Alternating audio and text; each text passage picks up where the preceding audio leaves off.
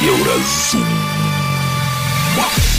Самая еўрапейская праграма пра Беларусь.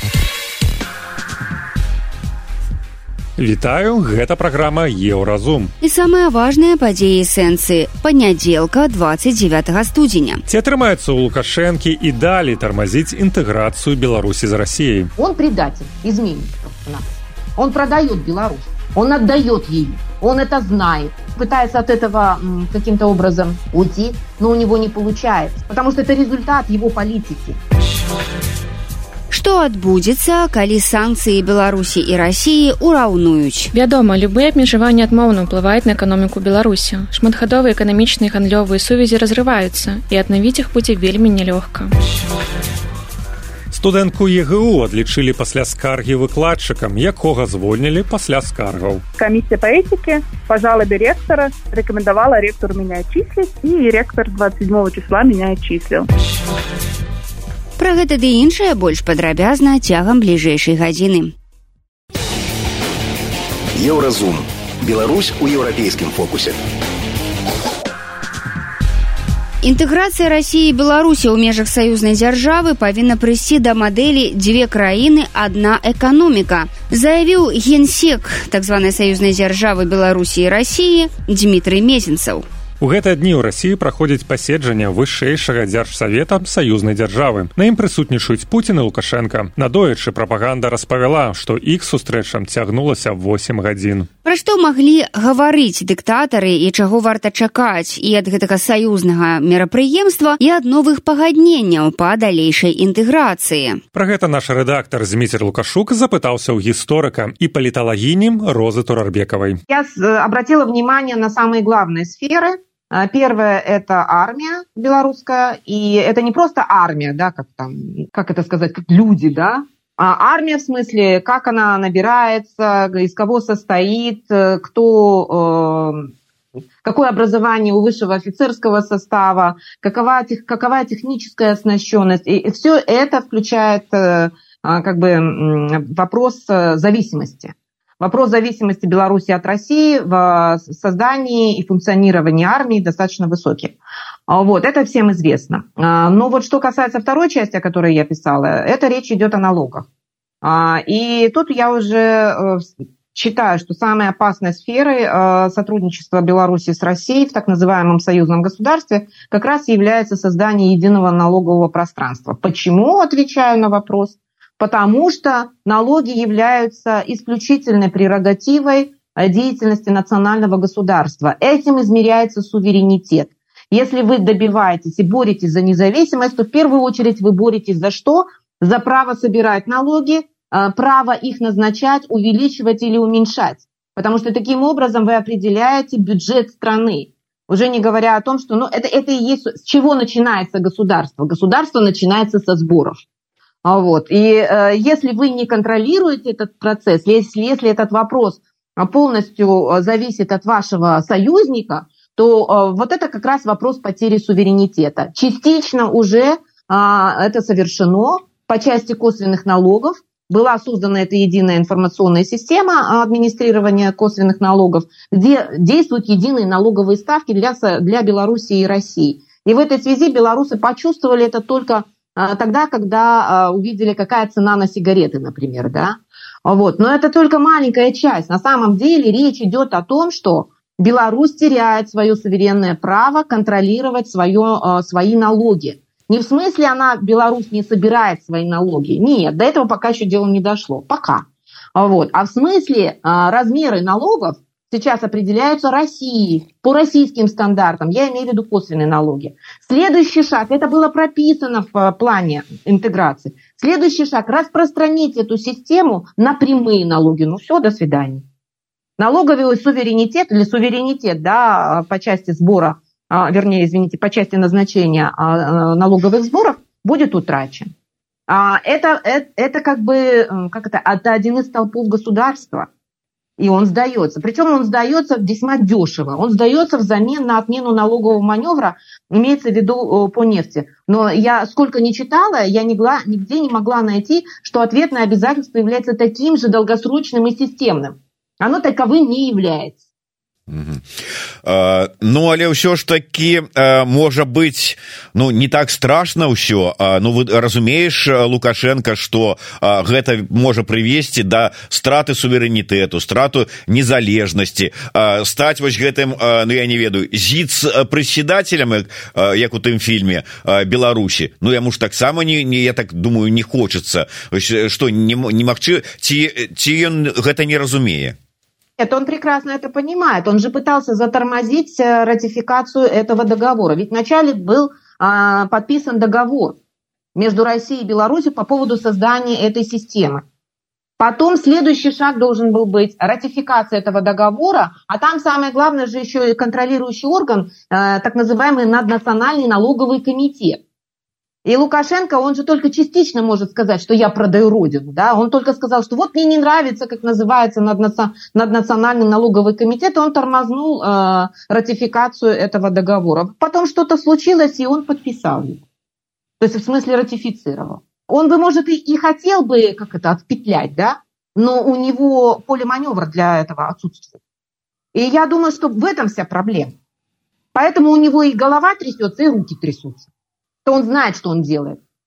Он предатель, изменник просто-напросто. Он продает Беларусь, он отдает ее, он это знает. Он пытается это сделать, э, вернее, он пытается от этого каким-то образом уйти, но у него не получается. Потому что это результат его политики. Зависимость от России и в конечном итоге продажу суверенитета, да, вот частично, постепенно сдает да, позиции, это результат его политики. Кроме него здесь виноватых никого нет. Там, как там пытаются некоторые а, аналитики писать, да, что в этом виноваты там а, демократические силы, которые поднялись там в 2020 году и бедного Лукашеночку заставили идти на восток. Изолировали его от Запада. Представляете? Тихановская стала и изолировала его от Запада. Санкциями подтолкнули в обдымки Москвы. В том числе и цветами белыми. Падчас сумесных мерапрыемстваў лукашенко і Путін чарговы раз закранулі свае ўлюбёныя тэмы пра нацызм і ўкраіну і заявілі што украінцы да іх вярнуцца бо ім няма куды падзецца На каго разлічана такая рыторыка ці яны гэта гавораць самі сабе працягвае роза турарбекова но я так понимаю что еще в россии начинается кампания ну в Беларуси кампанию предвыборную сложно назвать компанией, потому что это уже давно не компания. А вот, но в России-то есть еще кампания. Сейчас а, начинается президентская кампания. И я думаю, что Лукашенко таким образом, как всегда, да, э, пытается продать свои поцелуи, а, вот. И вот он так выражает их, там, в том числе и подыгрывая э, имперским этим э, желаниям да, и устремлениям не только Путина, но и достаточно большой части российского общества, которое просто, ну, не беру сейчас судить, да, Дурманина, да, этой идеологии русского мира, но возможно, что не просто одурманена, а как бы это является одной из э, таких э, основ, что называется, их э, а, политического сознания. Поэтому в, в данном смысле ну, это беспроигрышный вариант. Мы восстановим, мы вернем, вернем наше великое имперское прошлое. Вы обратите внимание, сейчас вообще это становится чуть не то чтобы мейнстримом, но становится популярным там. А, в Венгрии там эти правые, да, кто-то там заявил о том, что в случае, если Украина там проиграет, то они там Закарпатье себе там оттяпают. Угу. Турки, значит, себе э, там тоже часть э, как бы таких же горячих голов публикует или показывает карту Турции, включая Кипр, там еще там что-то, по-моему, Сирию, да. То есть, ну, как бы все, ящик Пандоры открыли, пересмотр границ, это же страшная вещь, реально. А китайцы, Поэтому... китайцы молчать, не? Э, там это, э, часово страченные территории, як там? У них уже давно эта карта есть, и, и включая там и Центральную Азию, и Сибирь, и еще что-то. Ну, короче, кто, сейчас, конечно, кто в лес, кто по дрова, будут вначале эти, э, как это сказать, популисты, а далее что будет непонятно, потому что ну, вот это э, раскручивается этот дискурс, связанный с пересмотром границ. Соответственно, обращением там какое-то там великое прошлое имперское, ну просто это реально страшная вещь. Реально страшно. И вы, вы, вы же видите, что конфликты возникают, а, ну, не то чтобы на пустом месте, да, но их становится все больше. И там, скажем, кто не вдохновится тем, что Азербайджан вернул себе назад на Горный Карабах? Или Россия да, аннексировала Крым. каждая э, там шишка да, на ровном месте сейчас думает о том, что они могут э, вернуть там что-то себе назад. Вот в Аргентине тоже э, избранный президент заявил о том, что хотелось бы вернуть да, те самые Фольклендские Мальвинские острова. Это ящик Пандоры, который открыла Россия. Э, давайте может быть яшчэ трошку на да такой міжнароднай повесткі як кажуць але у звязку з беларусю 25 э, студзеня э, рада Европы прыняла чарговую рэзалюцыю по беларусі ну там вот по выборах ужо загадзя сказали что выборы вынікі так званых выбораў не будуць прызнаныя ну хотя б тому что калі міжнародныя назіральнікі не допускаются до выбораў і все сродкі правовой обороны адсутнічаюць свабодных і справядлівых выбараў быць не можа заявляецца ў рэзалюцыі ты не менш у рэзалюцыях апошніх вот недавно прынятых парламенской ассамблеі совета Европы было былі заклікі да спынення рэпрэсій да вызвалення палітвязняў да асуджэння дзеянняў гэтак далей гэтак далей гэта чаргу выказванне чарговы раз заклапочанасці і не больш за тое вот скажите мне як чалавек що ж таки які разбір разбіраецца ў дзеянні гэтых міжнародных структур і механізмаў які-нибудь ну практычны вынік от этих рэзалюцый ёсць і нема Ну, во-первых, конечно, практического результата от э, декла... резолюции, извините меня, Парламентской ассамблеи Совета Европы не стоит ждать, потому что у Парламентской ассамблеи Совета Европы нет своего Министерства обороны, или там Министерство экономики, они не могут издать executive order, как там, например, а, президент Соединенных Штатов, э, и в результате этого будут приняты санкции, да. Совет Европы вообще функционально, он совсем, это другая организация. Но Совет Европы – это совесть Европы, как, э, ну, так условно я для себя говорю, да. И а, то, что они дали такие очень резкие политические оценки, это сигнал в том числе и для европейских политиков и бюрократов. Вы же видите, что про Беларусь фактически уже забыли. Вы же видите, что Беларусь фактически уже не в повестке. И тут парламентская ассамблея Совета Европы принимает такую резкую резолюцию, осуждающую выборы, которые еще не состоялись. Какой-то сигнал. Сигнал Европе заключается в том, что, ребята, ну как бы в этой стране уже э, происходит, э, э, как бы совершаются преступления даже против человечности. А, а, а, а вы не обращаете на это внимания. Кто-то там пытается продолжать даже торговать, и возрастает рост торговли, идет. То есть, несмотря на все, как бы там, э, вроде бы устоявшиеся мнения о Лукашенко и режиме, несмотря на это, сейчас происходит как бы возобновление торговых отношений, связей и так далее и тому подобное. И в этой связи, когда парламентская ассамблея, парламентская ассамблея Совета Европы принимает такой документ с такими оценками, это сигнал. Это сигнал, который, по идее, должен быть услышан а, европейскими политиками, а, европейскими бюрократами, но и самое главное, на национальном уровне тех стран, которые а, как-то там говорят о том, что там все улеглось, и вам там ничего не угрожает, да, когда отказывают в беженцах. З намі была незалежная экспертка роза турарбекова. Яна пракаментавала чарговую рэзалюцыю рады Европы. Наконт беларусі і інтэграцыйныя мерапрыемствы з удзелам лукашэнкі і пуціна у санкт-петербургу. Еўрарадыё кропка фм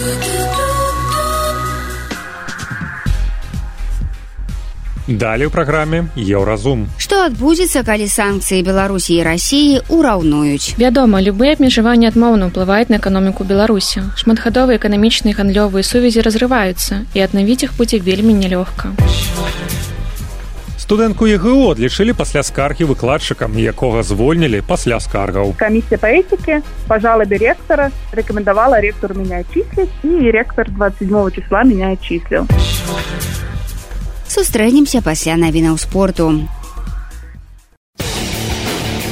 еўразум Беларусь у еўрапейскім фокусе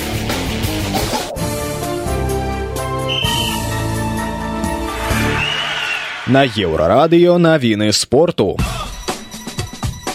Арына Сабаленко пасля перамогі на Аўстраліяна Оупен у абноўленым рэйтынгу застаецца другой ракеткай свету. Амаль на 900 ачкоў яе апярэджвае полька і гасвёнтак. Вікторыя Заранка апусцілася з 22 на 33 месца. У мужчын першай ракеткай свету застаецца серп Новак Джокавіч. Пераможца адкрытага чэмпіянату Аўстраліі італьянец Янік Сінер застаецца на чацвёртым месцы. Беларусы ля Івашка толькі 187. Хакеісты мінскага дынама ў чэмпіянаце КХл выйгралі ў сібіры 4-1. Яны па-ранейшаму знаходзяцца на восьмым месцы ў заходняй канферэнцыі. ЦСК і северсталь апярэджваюць дынамаўцаў на 6 ачкоў. 31 студзеня пройдзе гасцявы матч з Сочы. На міжнародным турніры па мастацкай гімнастыцы ў іспаніі абсалютнай пераможцай стала беларуска Аліна гарнасько. Яна паказала найлепшую суму ў шматбор'і і атрымала найвышэйшыя ачкі ва ўсіх фіналах асобных практыкаванняў.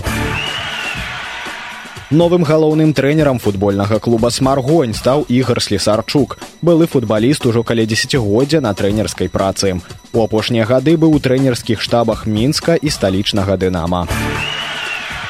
Гандбалісты Францыі сталі чэмпіёнамі Еўропы. У рашаючым паядынку ў кёльні яны ў авертайме абыгралі зборную Даніі 33-31. Бронза ў шведаў. Французы заваявалі золата кантынентальнага першынства чацвёрты раз. Гэта былі навіны спорту, заставайцеся на еўрарадыё.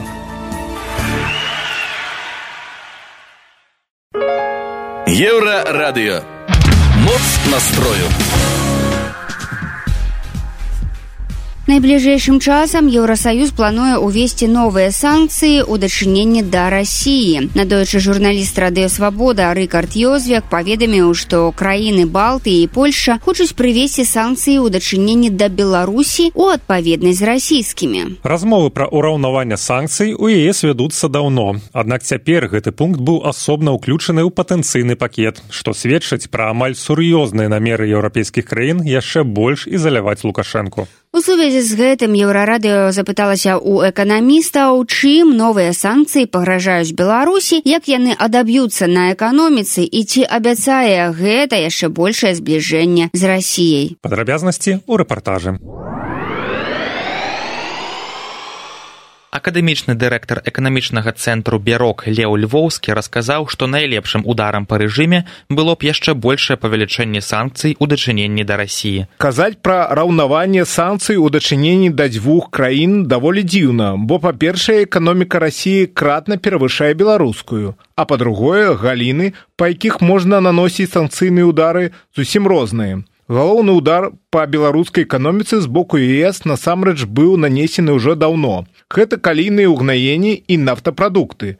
Цяпер рэжым пераарыентаваў свой экспарт на рассію і сяк так да гэтых умоў прыстасаваўся. Але вось сама расія дагэтуль напрыклад экспартуе сваю нафту ў краіны ес. Паводле эканаміста чым больш на беларусь накладваецца санкцыі тым больш наша краіна трапляе ў залежнасць ад рассіі прадпрыемствы зарабляюць мала. Многія сектары эканомікі не прыносяць таго прыбытку якія прыносілі раней. Адпаведна колькасць паездак лукашэнкі ў москву будзе толькі павялічвацца Пусін проста так грошы даваць не вельмі хоча, патрабуючы наўзамен частку суверэнітэту ці нешта яшчэ. І ў гэтай сітуацыі працягвае эксперт найлепшым спосабам было б пазбавіць рассію умоўных 30 мільярдаў еўра, тады частка гэтых грошай не дасталася б і беларускаму рэжыму. Таксама ён адзначае, што санкцыі ў цэлым працуюць. Узяць, напрыклад, дэталі для вытворчасці аўтобусаў ці электробусаў. Калі раней беларускія прадпрыемствы закуплялі іх у Еўропе,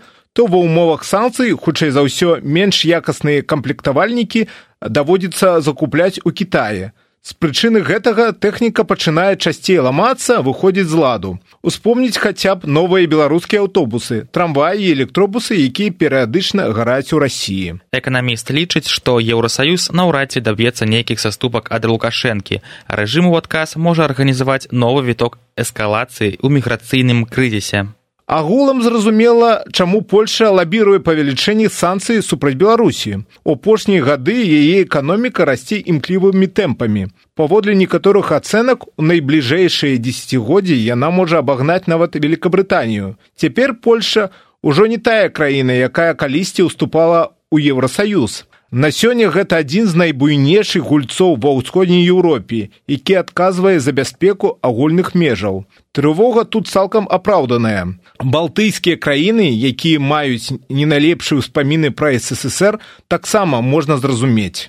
Эканамістка цэнтра бюрок Анастасія Лузгіна кажа, што канкрэтных дзеянняў адносна санкцый еўрапейскія краіны ў дачыненні да Беларусі яшчэ не распачалі, але на бліжэйшыя пакеты будуць скіраваныя на прадухіленне абыходу дзейных санкцый з боку рассіі. На Беларусь у цэлым накладзены значна меншае абмежаванне, чым на РФ, таму планавыя пакеты будуць разглядацца менавіта ў кантэксце абмежавання абыходу санкцый рассіяй. Як новыя санкцыі паўплываюць на беларускую эканоміку сказаць цяжка гаворыць Анастасія. Хутчэй за ўсё яна працягне прыстасоўвацца і будзе далей збліжацца з расійскай. Вядома, любыя абмежаванні адмоўна ўплываюць на эканоміку Беларусі. Шматгадовыя эканамічныя гандлёвыя сувязі разрываюцца і аднавіць іх будзе вельмі нялёгка. Інфармацыйная служба еўрарадыё.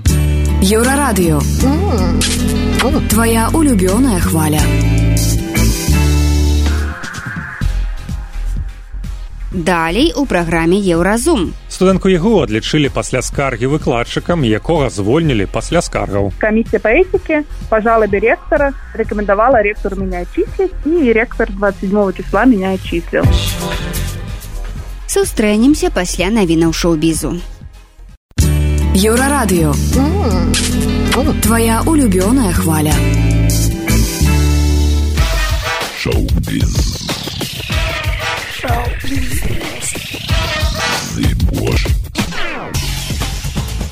Навіны шоу-бізу на еўрарадыё.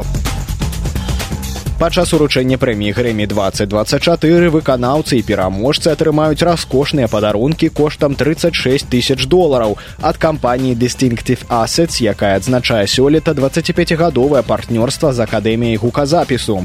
Сярод падарункаў будуць веганскія напоі, сродкі па дагляду за скурай, навушнікі з шумапрыглушэннем, ювелірныя вырабы, кнігі ды іншае. Distinctive Assets раздадуць каля 145 боксаў. Уручэння галоўнай музычнай прэміі, якое будзе весці комік, акцёр Трэварно будзе транслявацца ў прамым эфіры на CBS 4 лютага. Гурт B2 выйшаў на сувязь з моманту затрымання пасля канцэрта на пхукеце, падставай да якога, як паведамляецца, сталі няправільна аформлены арганізатарамі дакументы. Музыкі кажуць, што летась ужо праводзілі канцэрты ў Тайландзе афіцыйна з прыцягненнем мясцовых арганізатараў і выкананнем усіх патрабаванняў па бяспецы. Ніякіх дадатковых абвінавачванняў нам не прад'яўлена. Не апошнюю ролю ў затрыманні адыграў ціск звонку. Прычыны гэтага ціску наша творчасць ды нашая пазіцыя лічаць удзельнікі бітва. Святлана Тханаўская выступіла ў падтрымку музыкаў. Яна адзначыла, што ўдзельнікі групы падтрымалі беларускія пратэсты і выступілі супраць уварвання ва ўкраіну. Вядомы спявак Джасцін Тимберлейк абвясціў аб сваім будучым сусветным туры Forget Tomorrow World Tour на вечаровым шоу Джиммі Феллана. Тур стартуе 29 красавіка ў Ванкуверы. Квіткі паступяць у продаж другога лютага. Аб'ява Тимберлейка адбылася пасля выхаду яго новага сінгла «Селфіш», што стаў першым з доўгачаканага сольнага альбома, які павінен выйсці 15 сакавіка. Тимберлейк падзяліўся, што працаваў над ім чатыры гады, напісаў 100 песень і скараціў іх да 18 для фінальнай плыткі. У міжнародны дзень памяці ахвяр халакосту ў моладзевым тэатры мусіла адбыцца прэм'ера спектакля тут была клара прысвечанага нацысцкім злачынствам супраць яўрэяў але паказ адмянілі спектакль ставіла рэжысёр татяна аксёнкіна паводле п'есы меморыя номініс клара перад прэм'ерай на сайце з'явілася паведамленне што спектакль пераносіцца ў сувязі з хваробай акцёра Аднак 27 студзеня з'явілася паведамленне, што праца над спектаклем працягваецца, а гэта супярэчыць папярэдняму паведамленню як асноўнай прычыне адмены. Стала вядома, што спектакль не спадабаўся чыноўнікам. У пастаноўцы трэба зрабіць праўкі, толькі пасля гэтага спектакль, магчыма, зноў з'явіцца ў афішы. Гэта былі навіны шоу-бізу, заставайцеся на еўрарадыё.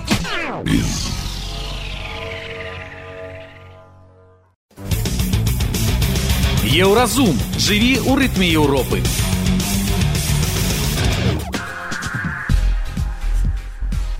Памятаеце гісторыю з выкладчыкам Сергеем сялецкім, якога звольнілі з ЕГУ пасля шматлікіх скаргаў на харасмент і хамства. Гісторыя набыла нечаканы паварот. 27 снежня з універсітэта адлічылі студэнтку, на якую паскардзіўся сам сялецкі.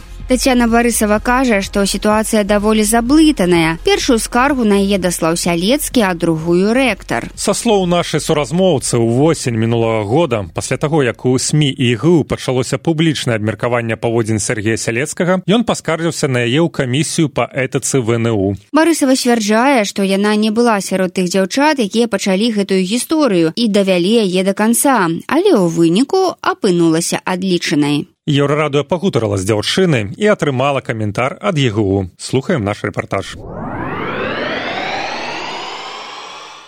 Са слоў Тацяны Барысавай пра свой асабісты выпадак хамства з боку Сергея Сялескага яна распавяла толькі пасля таго, як асабіста ён, а таксама старшня камісіі па этыцы распавялі пра яе журналістам.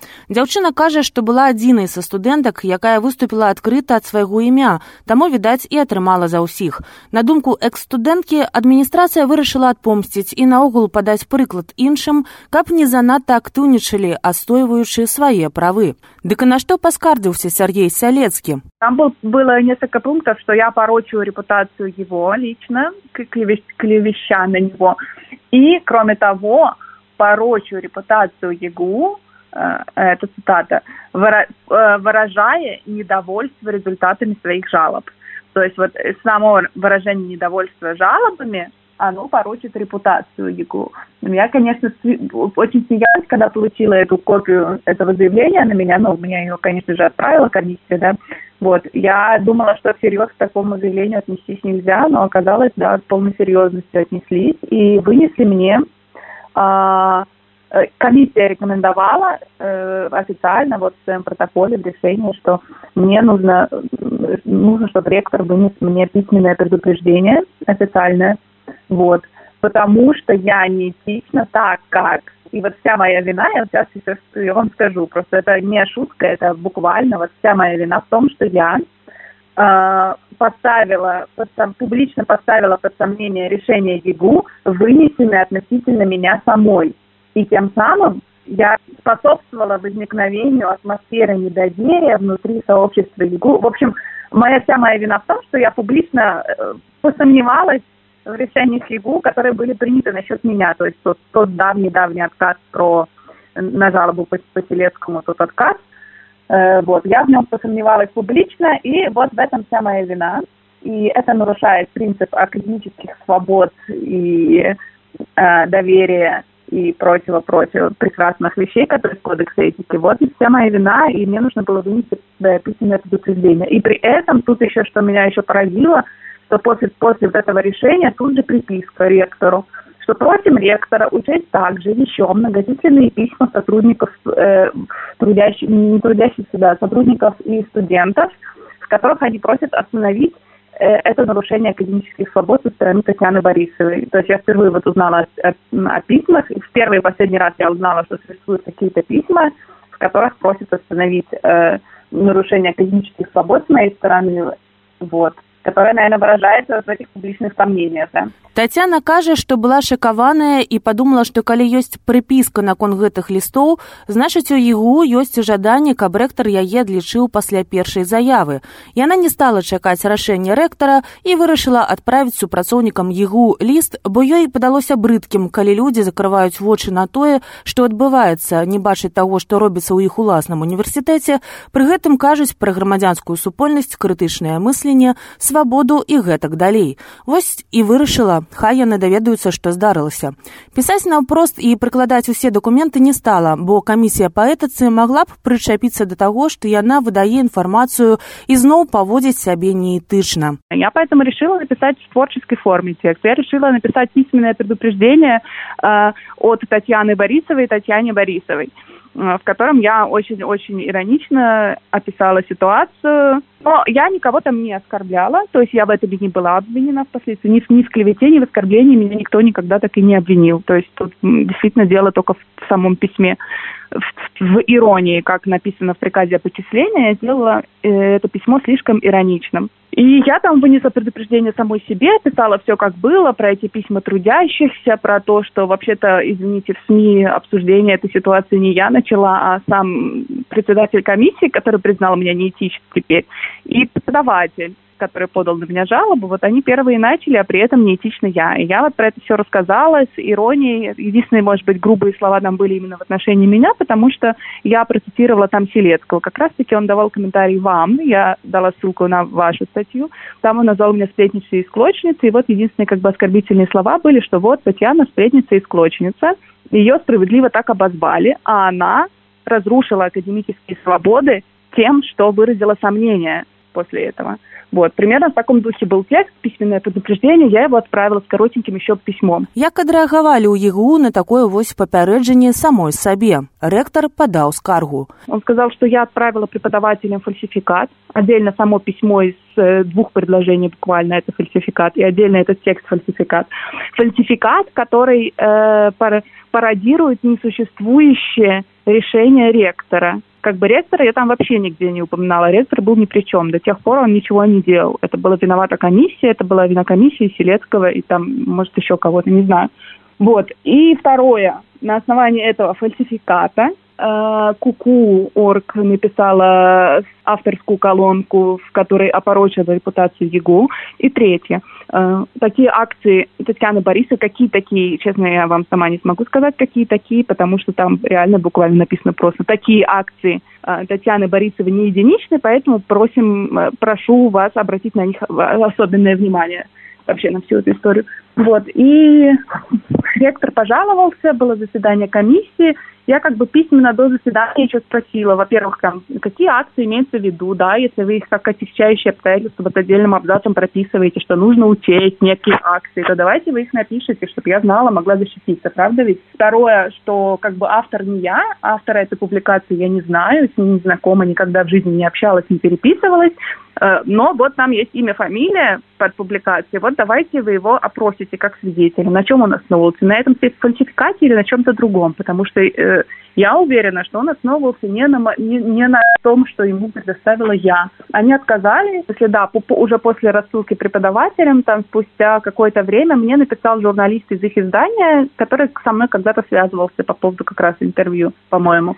Да, по поводу Селецкого связывался давно. И он написал мне, спросил, Татьяна, правда ли вам ректор вынес предупреждение? Я ему ответила, нет. Говорю, ректор мне предупреждение еще не вынес. Вынесла только я сама себе на основании того, что комиссия по этике действительно рекомендовала вынести мне предупреждение. Но пока что от ректора ничего не пришло. Я вот жду, не знаю, будет ли отчисление, не будет, э, будет ли э, вообще от него хоть какой-то документ или ректор просто ну, не станет э, выносить предупреждение, я пока не знаю. Но комиссия по этике признала, э, рекомендовала ректору меня, ой, не отчислить, а это, вынести мне официальное предупреждение. Вот. И я написала сама текст. Вот. Я как бы, то есть, дала правдивую информацию в ответ на вопрос, и все. Как бы в своей колонке потом там, а я только когда читала их, они там написали действительно, что ректор вынес предупреждение, но как бы это их косяк, не знаю, я не говорила такого.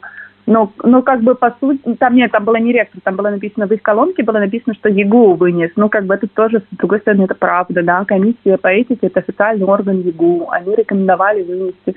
Ну, то есть тоже правда написано. Вот.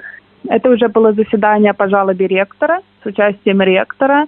Э, вот, э, на нем э, меня очень долго подробно спрашивали, почему я выбрала именно такую форму. Я как бы объясняла свои э, творческие отсылки, там какие-то свои, э, свои, свои мотивы и выбор именно конкретных слов и форм и так далее. Очень долго, очень долго в самом начале они обсуждали они просто все такие начали читать письмо, говорят, вот, Татьяна, вы написали, что письменное предупреждение, вынесенное Татьяне Борисовой ректором. Я говорю, нет, нет, там нету ректором, вы что? Как бы, ну, там действительно нет слова ректором. И я как бы читаю, вот, смотрите, я везде, почему это фальсификат, если я везде подписала? Письменное предупреждение вынесено Татьяной Борисовой в связи с решением комиссии по этике и так далее. Ну, дальше ссылка на решение комиссии реально существующее. Они такие немного зависли. Как так? Я прочитала «ты Борисовой» как Татьяной Борисовой, а не Татьяне Борисовой. Но я им объяснила, что Татьяна Борисова, Татьяне Борисовой вынесла предупреждение, действительно основываясь на решении, которое действительно было. Вот ссылки на него, вот цитаты, они все правдивые. Действительно, это все говорилось там. Я просто рассказала об этом в своем письменном предупреждении, которое вынесла сама себе. Я имею право вынести самой себе предупреждение. Они такие, ну, типа, ты, если бы вы написали Татьяной Борисовой, то вопросов бы не было. Но вы писали, написали ты Борисовой. И видите ли, ректор прочитал это как Татьяне Борисовой и именно ректором. Они вот подумали, что это подразумевается, что ректором Татьяне. Это фальсификат, это ложь, намеренное введение в заблуждение и так далее. Хотя, если открыть этот документ, там сразу видно, насколько он абсурдный, с напутанными датами, написанный комичным языком и так далее. То есть никто никогда в жизни такое на ректора не подумает, да, тем более, что ректором оно и не подписано. Вот. Они пришли э, к тому, что это фальсификат, действительно, и само письмо коротенькое, и сам текст это фальсификат. А, я написала слишком ироничное, язвительное письмо, а и эта вот ироничность и язвительность, она нарушает, конечно же, принцип академической свободы а, и так далее. То есть они просто ссылку на весь кодекс академической этики, по-моему, дали, или там на огромную главу ее. И вот Татьяна все этим нарушила. Но по, по, по факту вот за эти три пункта, что действительно там упоминалось и в решении некие акции публичные, которые были не впервые. При этом мне так на них, о них не сказали, какие такие публичные акции мне изменяются. Э, публикация Куку упоминалась, и упоминалось э, в решении, ну, в протоколе, почему неэтично, вот то, что это фальсификат. Три, три этих пункта, они там расписаны очень подробно. Вот. И комиссия по этике по жалобе ректора рекомендовала ректору меня отчислить, и ректор 27 числа меня отчислил. Татьяна кажа, што не ведае, што цяпер рабіць і моцна пераймаецца праз адлічэнне. Дзяўчыне крыўдна, што яго бачыць у ёй пагрозу, але калі б была магчымасць, дык ўсё ж вярнулася б ды давучылася б.